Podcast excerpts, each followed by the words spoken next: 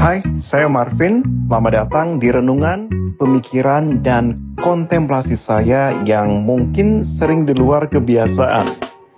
Mungkin saja apa yang saya pikirkan juga menjadi keresahan yang kamu rasakan selama ini. So, let's overthinking with me, Marvin Sulistyo.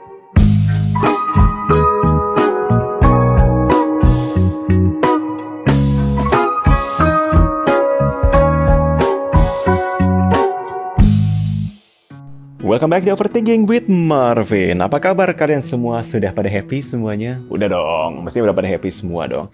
Tapi pertanyaan itu paling susah ya kayaknya ya kalau misalnya tanya zaman sekarang ya. Jadi terserah kita mau dibilang anak indie atau apa gitu ya. Tapi kok ditanya, kamu udah happy belum? Lu udah pada happy belum?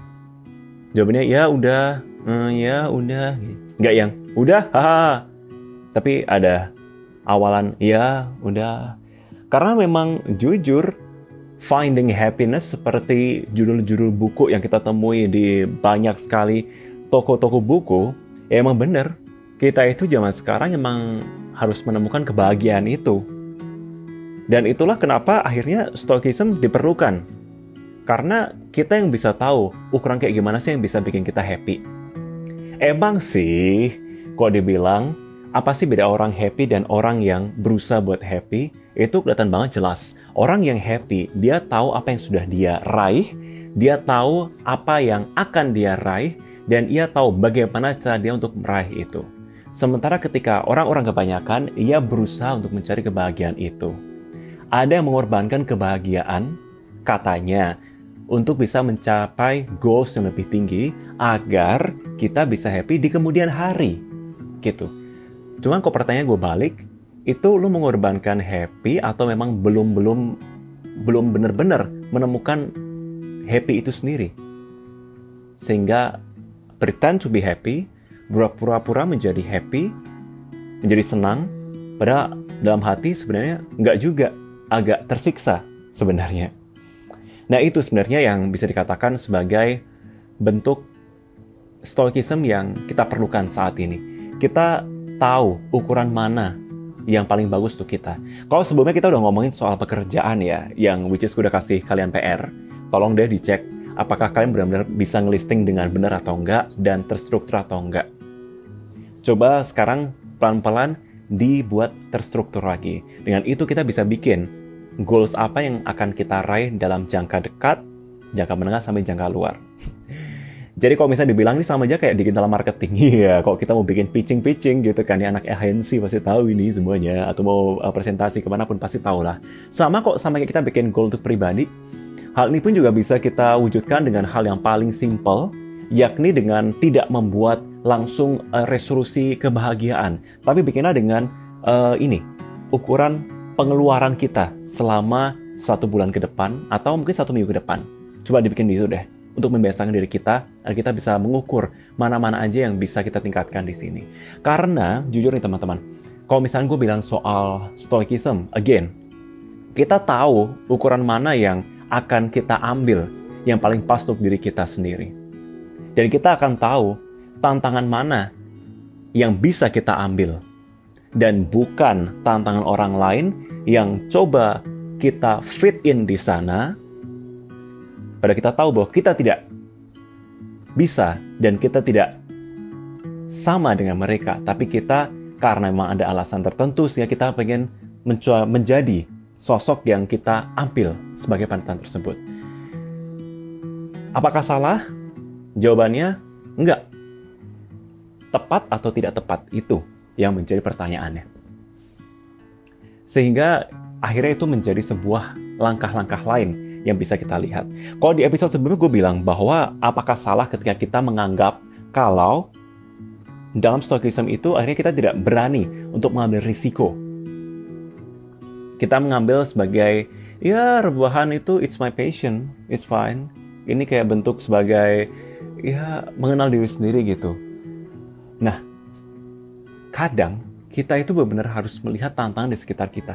Kita harus melihat bidang di sekitar kita lo berada di kehidupan yang bisa dikatakan nyaman dengan rumah saat ini cicilan yang juga statis setiap bulannya berapa jadi terukur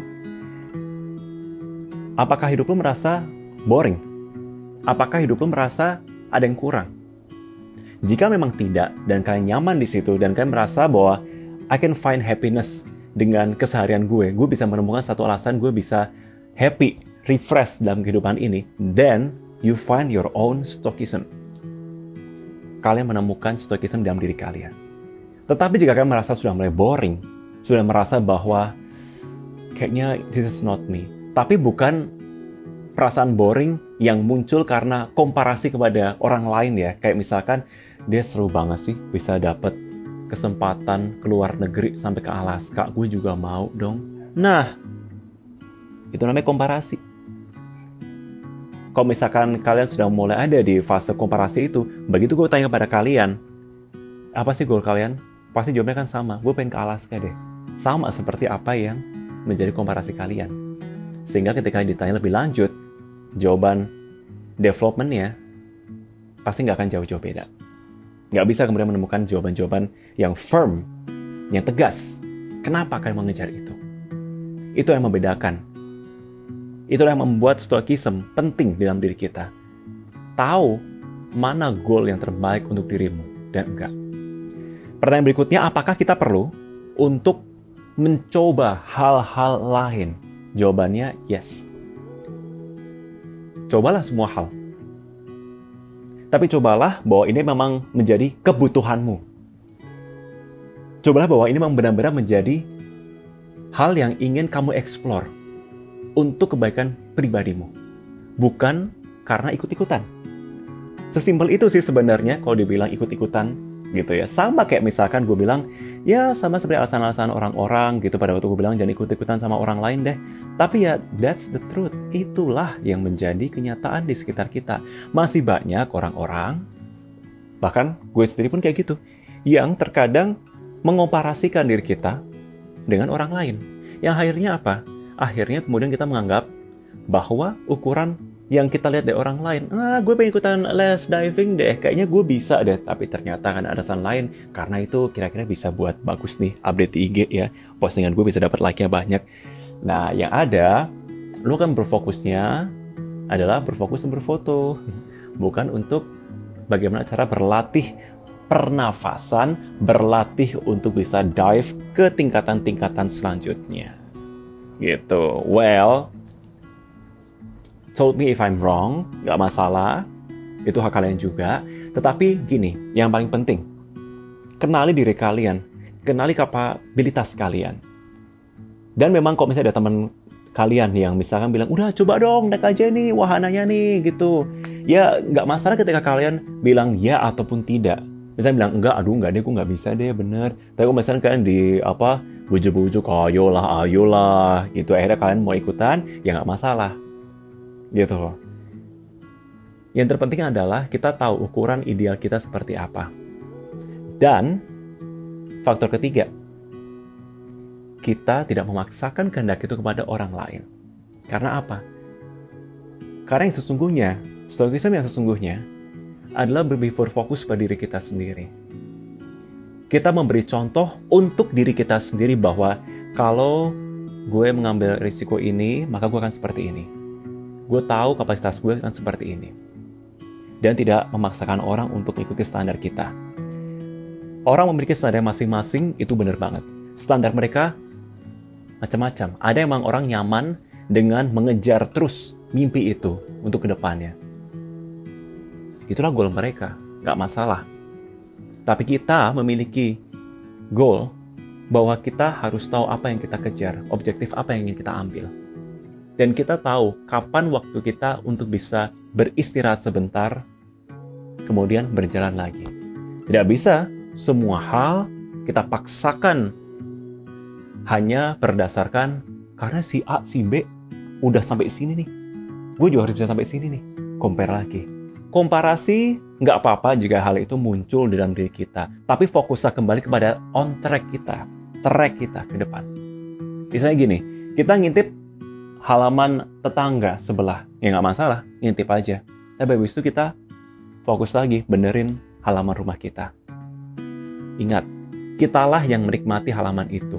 Kitalah yang akan membuat halaman itu nyaman untuk kita tempati.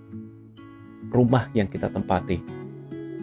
Bukan kita membuat halaman agar orang lain terpana melihat rumah kita. Kurangi untuk komparasikan diri kita pada orang lain.